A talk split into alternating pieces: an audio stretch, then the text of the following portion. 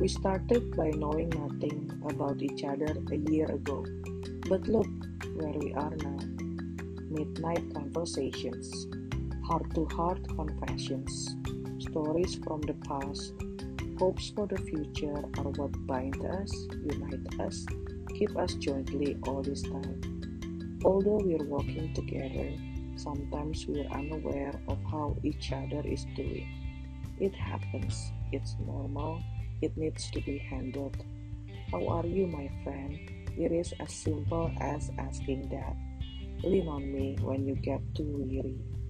The roads ahead are full of hills and valleys, ups and downs, mountains and giants. We can't and won't conquer alone. But I am with you and you are with me. We share this journey side by side. I'll be every step of the way you make, you'll be two steps behind me. We sometimes disagree, we many times argue. We several times keep what's bothering us inside, afraid of being honest and crossing risks. But I need to know you, my friend, and you need to know me too. Let's open up and learn about our true selves, about what we aim to be. I will tell you my weakness so you can hold me up with your strength.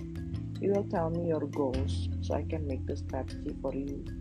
In every way, we're walking hand in hand, growing and caring for the home we've built together one year ago and God willing, beyond. I'm imperfect, my friend and so are you and she and them and all of us.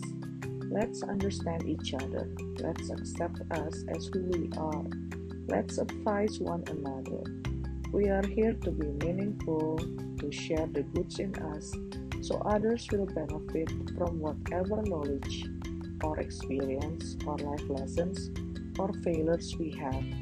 We are here not to be great by ourselves, not to boast, not to undermine our companions, not to show off as all high and mighty people. We are here to be better and best in things we are destined to do and excellent in doing. We are here because we chose to, and my friend, I am so grateful for me and you.